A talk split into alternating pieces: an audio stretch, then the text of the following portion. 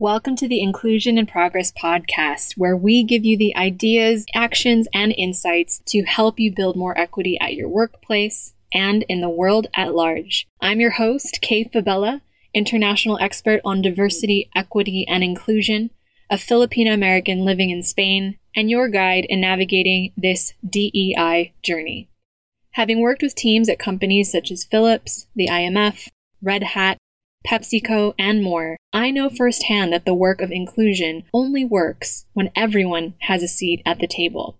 Regardless of your personal entry point into this conversation, your race, ethnicity, gender, ability, age, sexual orientation, country of origin, or educational background, we all have a role to play in creating inclusion for all. And it starts with us having conversations we need to create the change we wish to see. So let's dive into today's episode.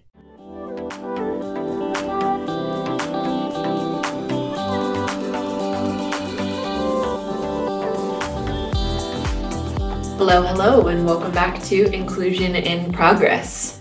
Now, if you're tuning in in real time, it's July, which is my favorite month because, drumroll please, it's my birthday month.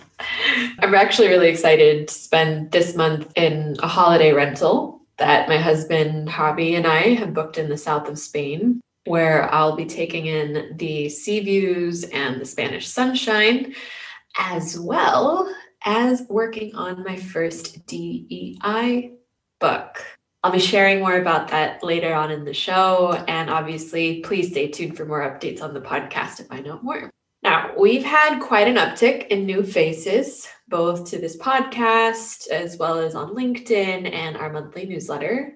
And if you haven't subscribed yet to our monthly newsletter, that's where we're sharing insights on what we're seeing, what we're learning, what we're experiencing in real time on inclusion from our work with global teams. So if you haven't already, make sure you head to the link in the show notes to subscribe to our mailing list where we'll be sharing updates on our work, business, the book, and all that cool stuff that we don't share anywhere else. So, again, make sure you head to the link in the show notes if you haven't already subscribed to our monthly DEI newsletter. So, with all the new faces here, I think it's only fair that I introduce myself if you are just tuning in to Inclusion in Progress. And for those of you who have been following along for some time, First of all, thank you, you, the OGs. Consider this a reintroduction to who we are and what we do, which, as you can imagine, has taken quite the evolution since we started this podcast in 2019. So, my name is Kay Fabella. That's F as in Frank, A as in Apple, B as in boy, E double L A. And I'm your host and the CEO of Inclusion in Progress LLC. Now, up until 2020, I was operating as a solo DEI or diversity, equity, and inclusion consultant and a remote team expert. But as you will see in the coming months, we've been hard at work behind the scenes on a rebrand that better reflects who we are and the folks I affectionately call Team K as we've continued to grow. But suffice it to say, I didn't land on DEI work as a career path. Well, not initially, anyway. DEI work, like many of our podcast guests, found me. For a bit of background, as an American daughter of Filipino immigrants born and raised in the United States, who has called Madrid, Spain home for the last 11 years, I've spent most of my life unpacking the nuances of my different identities. Because when you straddle the lines between multiple cultures at once, calling multiple places home while struggling to find belonging for yourself, you eventually develop a skill set for helping others find belonging around you. You learn to develop humility as you learn about cultures around the world. Learning to accept what you thought was true in your own cultural paradigm can coexist with what's true in someone else's culture, even if it looks like it's diametrically opposed to your own. You start to recite this mantra of, it's not wrong, it's just different. And this shapes your capacity for empathy for those around you, regardless of their background, ability, age, lived experience, worldview, upbringing, or country of origin. And when you're like me and eventually marry a life partner whose culture and country are completely different to any of your own lived experiences, you end up finding a way to embrace this so called hybrid existence of inclusion, which shapes the work that I do today. Now, because of and in spite of, if I'm being honest, my lived experiences with both inclusion and exclusion, belonging and non belonging, I still make a conscious choice to keep rooting for the human family I share this planet with and wanting to see all of us succeed in the roles that we choose and aspire to have. And DEI really is a way for me to channel everything that I've learned, everything that I've witnessed when you embrace the magic of your so called differences to forge a new path forward that embraces everyone while acknowledging that we're so much stronger united than divided.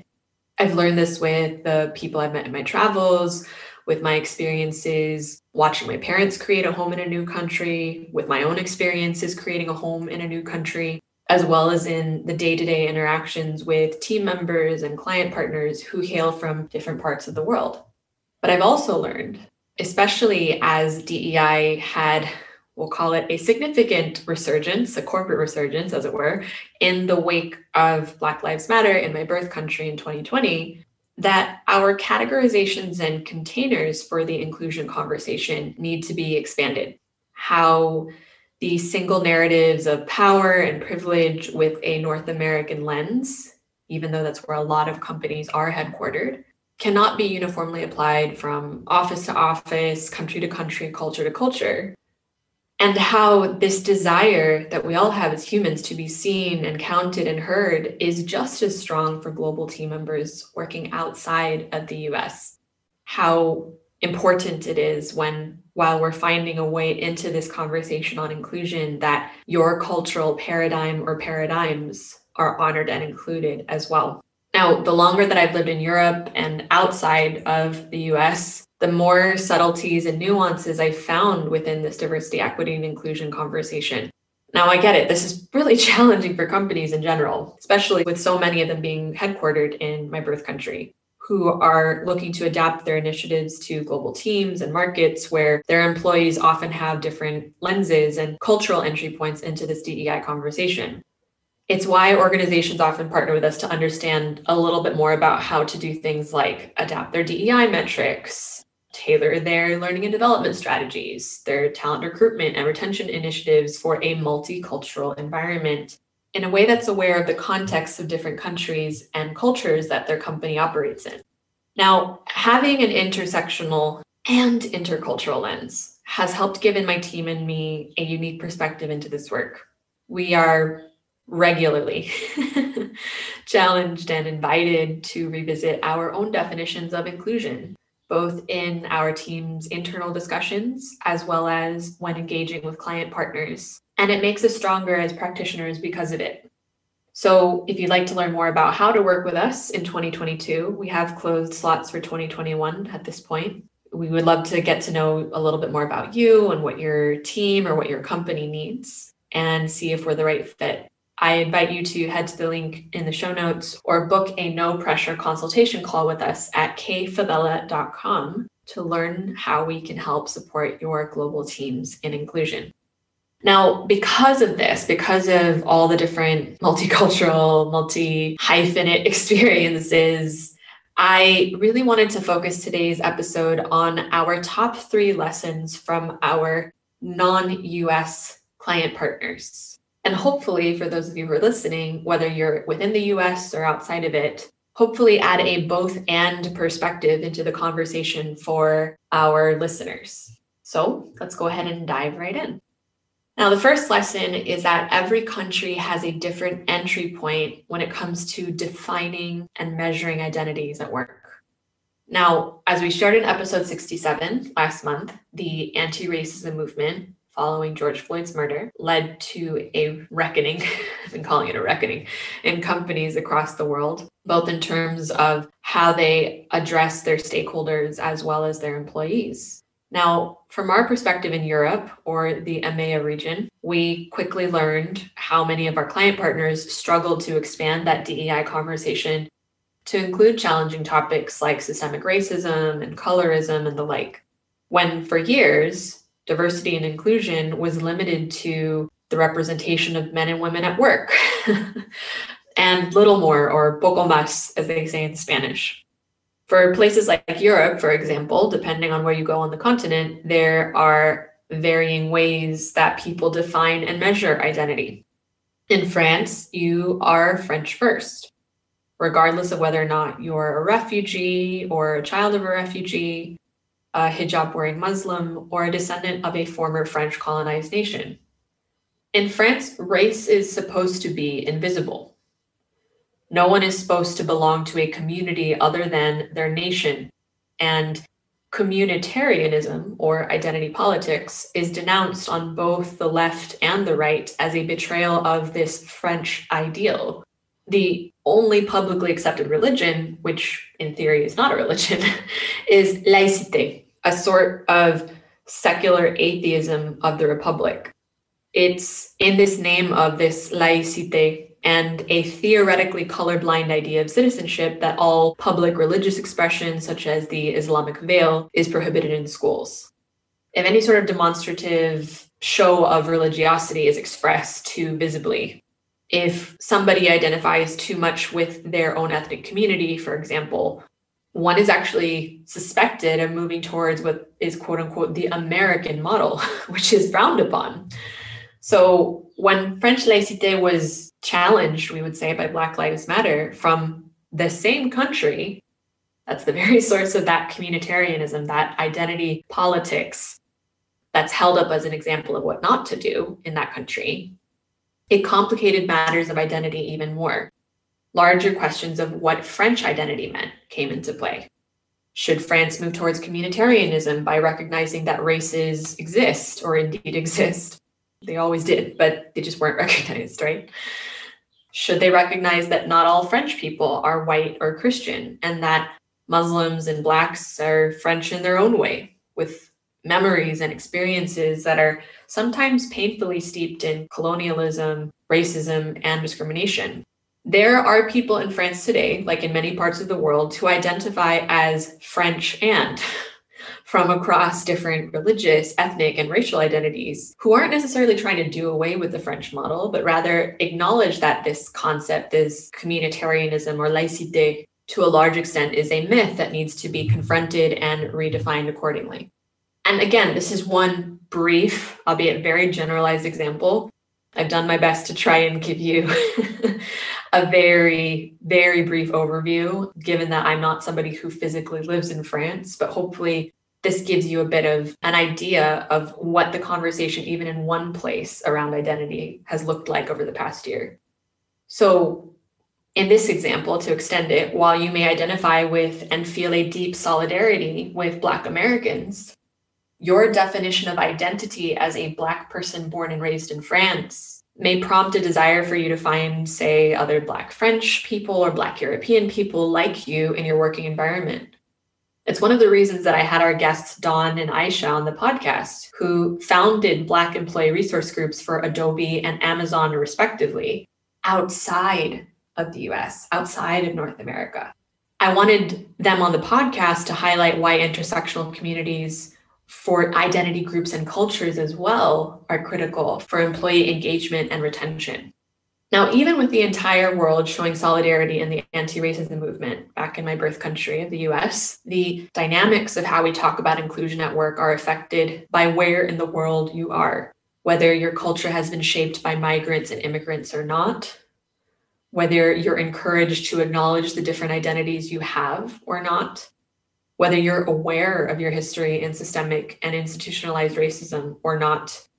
And that list goes on. And what you find very quickly as a DEI practitioner looking at the world through these multiple lenses is you can't invalidate someone else's experiences or impose yours on theirs because it clashes with your own, especially when you're talking about long-standing cultural dynamics and differences that were passed down before, at least in this case, my birth country, the United States, existed. So it's really important to remember you have to meet somebody where they're at, understand the nuances of the culture and context of whom you're speaking to, regularly inform yourself and adapt your conversations accordingly to intentionally and effectively build strategies for inclusion in the workplace. And it's up to organizations to create not just psychologically safe spaces, but also culturally informed spaces across their different country offices where employees are navigating issues of identity at work in different ways, can find a place to feel seen and valued and heard. And now remember the mantra here it's not wrong, it's just different. Which leads us to our second lesson.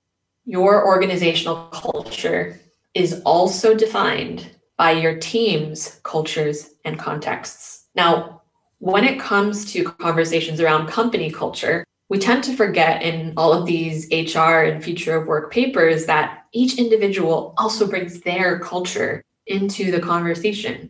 If team members from the same city, from the same state, or the same country bring differences of opinions and worldviews into the DEI scope of discussion at work, imagine what it looks like when you have different countries at the table and different identities within those countries as well. Take, for example, how individuals approach verbal and nonverbal communication. Now, it's important to remember that techniques that might have made us successful in communicating with a group of people from one country may not work with another group from a different country. So, when we're trying to create inclusion, when we're trying to be collaborative with our team members, we need to embrace cultural diversity and open ourselves to learning different communication approaches and making adjustments along the way many cases, we're going to need to learn and unlearn and relearn new strategies to communicate effectively with different groups of people. An example of different styles of verbal and nonverbal communication is what is known as high context versus low context cultures. Now, high context cultures will use communication that focuses on underlying context, on underlying meaning and tone in the message, and not just the words themselves.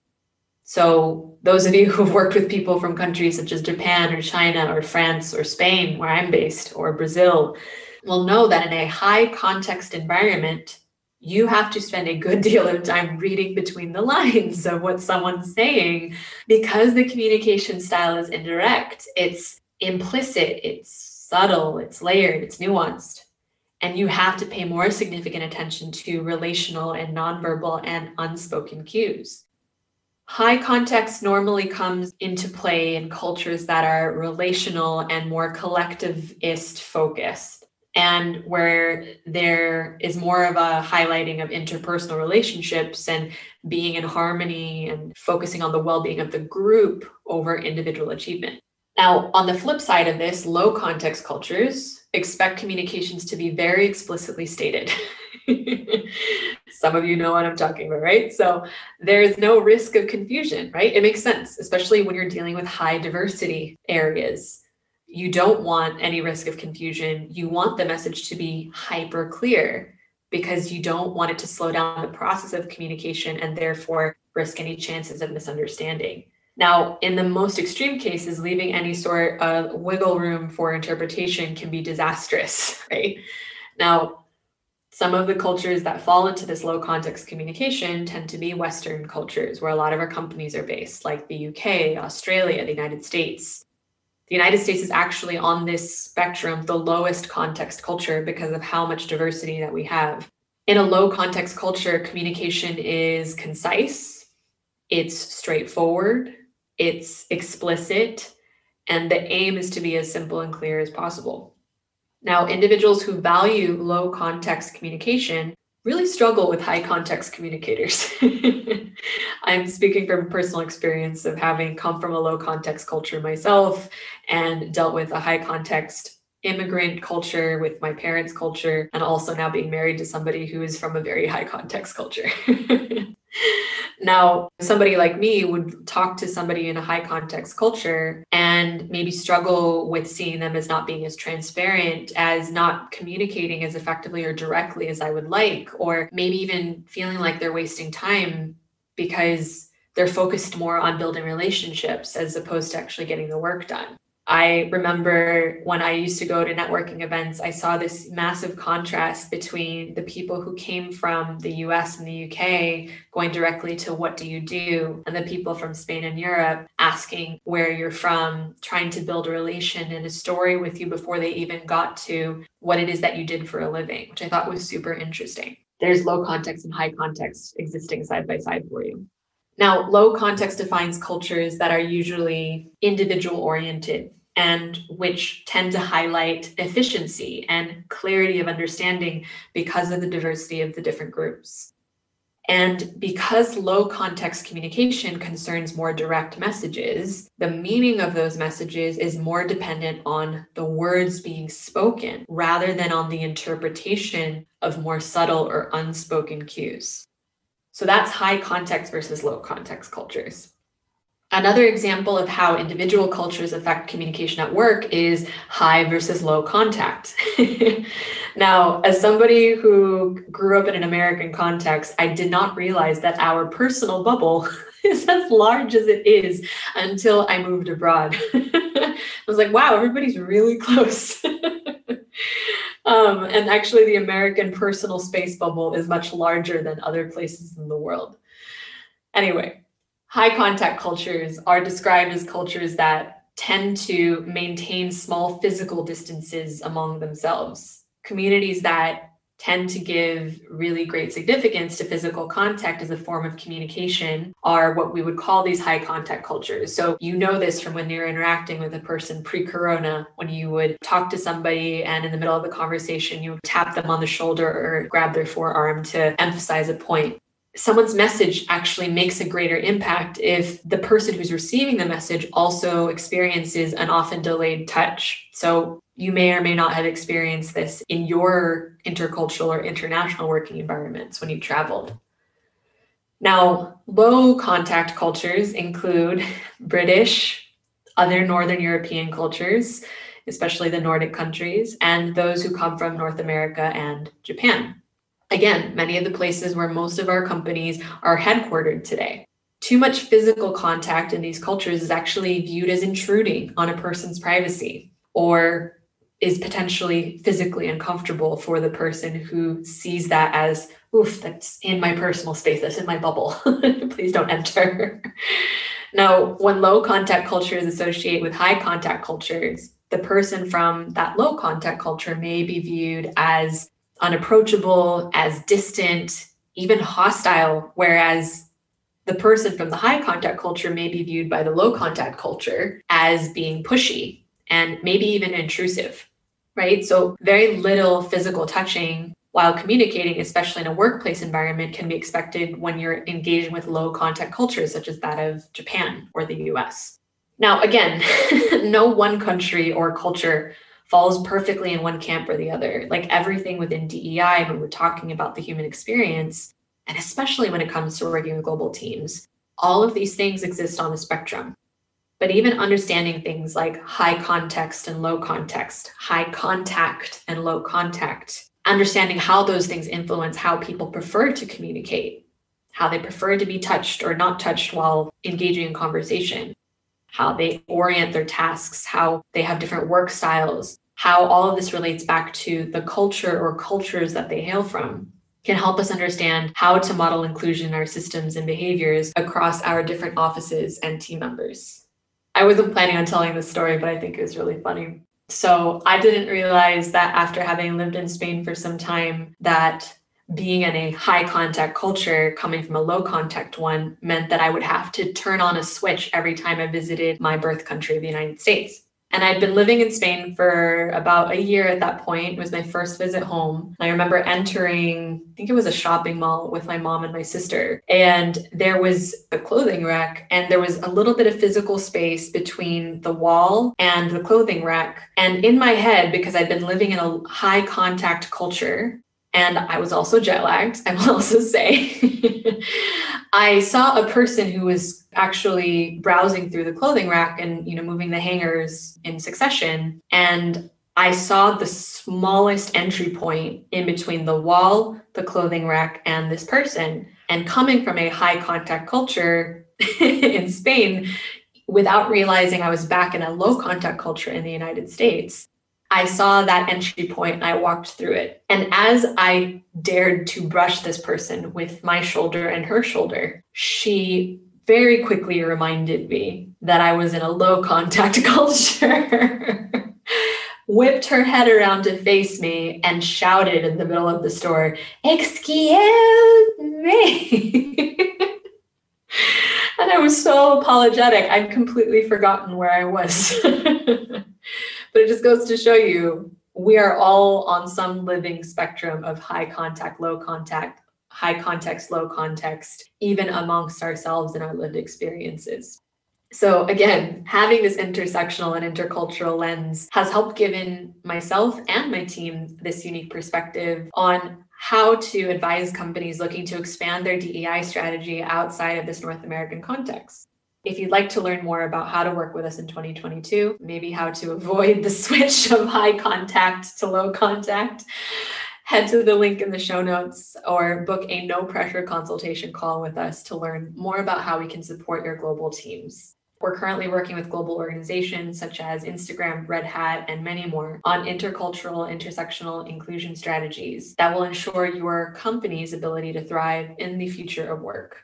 Because setting the foundation for an inclusive work environment today that welcomes people from different parts of the world and from different identities will reap dividends for your company for decades to come, regardless of where in the world your teams come from. So, if you'd like to learn more about how we can partner with you on DEI, head to the link in the show notes to book a no pressure consultation call. Now, the third and final lesson I wanted to share with you on this episode today is how we gather data to measure DEI is different wherever you go. Now, a few days ago, I was on a call with someone one of our client partners referred us to. Thank you so much. and she was an American working as an HRBP or HR business partner for a French company. And we bonded over the culture shock of working with European companies as US born professionals and our shared acknowledgement of the need for humility, of how much we had to learn and unlearn to work with teams in these different contexts. But one of the, her biggest surprises was this. She said, Kay, I had no idea that I wouldn't have any access to demographic data for our employees in Europe. Now, for those of you who have worked with people in Europe and saw what this looked like in 2018, you'll remember GDPR. Oh, that struck so much fear into our hearts, didn't it? The General Data Protection Regulation Act, which passed in 2018, allowing EU or European Union countries to enact additional requirements for processing data, and within this case, HR data through national laws and collective agreements. And national laws, actually, depending on where you are on the European continent, could be stricter even than GDPR when it came to gathering data. Now, France, for example, has laws that prohibit any sort of personal information from being transferred outside of France. Germany passed a law with additional or stricter HR data processing requirements. And in addition to this, many union collective bargaining agreements and work council agreements that cover employees actually cover additional or even stricter requirements for processing employee data. And this approach to data gathering also extends to following specific country labor laws that regulate how and when employee information can be processed and how long specific types of HR data can be retained even after the employee leaves the cornerstone of GDPR, ultimately, it's not just a headache, I promise, but it was really just about putting control of information back into the hands of the individual offering it, which I think a lot of us can learn from. Now, one of the ways that GDPR enforces this is by requiring affirmative consent before any type of personal information is collected and stored. And so things like when a company is administering an employee survey, they need to notify their EU employees about the data being collected and how it will be used. Consent in this case is particularly important when it comes to demographic data that we tend to rely on to inform our survey results and create DEI strategies and policies within companies. Again, looking at policies such as GDPR and national laws around employee data collection also rubs up against culture as well. Coming back to the European Union, the two biggest economies here do not, for historical reasons, collect any demographic data on ethnicity that would highlight any sort of problems that need to be fixed. And this is a legacy which dates back to World War II. Now, the Nazis' use of population registers when they organized the Holocaust has made a much more modern Germany especially mindful of what can happen when data, even census data that's gathered with good intentions falls into the wrong hands. France, as we've seen earlier in this episode, has also intentionally avoided the subject of race. But it's not just because of their history and the laïcité. For many Frenchmen, that term of race sends a collective shiver running down their spines because it reminds them of the atrocities of Nazi Germany and the complicity of France's Vichy regime in deporting Jews to concentration camps. Race is actually such a taboo term that a 1978 law specifically banned the collection and computerized storage of race based data without the express consent of the interviewees. So, France doesn't collect any census or data related to race or ethnicity of its citizens. Now, from a DEI perspective, understanding this historical context in the regions you're collecting employee demographics in is crucial. A DEI director in an office in New York or Dublin or Tokyo even the most well traveled one, even a person who occupies multiple identities, can only truly speak to the cultural context that they're living and working in. Subtlety and nuance, and therefore more viewpoints to support your equity and inclusion initiatives will be critical to the sustainability of this work. We must aim to partner with more people who can design recruitment and retention strategies with inclusion in mind while simultaneously leaning on their cultural lenses to inform you how to gather said data in an ethical way. And this to me just highlights not the overwhelm, but the opportunity, the need for more cultural agility, the need for more on the ground expertise for global teams as we expand the parameters of our diversity, equity, and inclusion conversation for a truly global world. And for this, we need as many perspectives as the table as possible. So there you have it.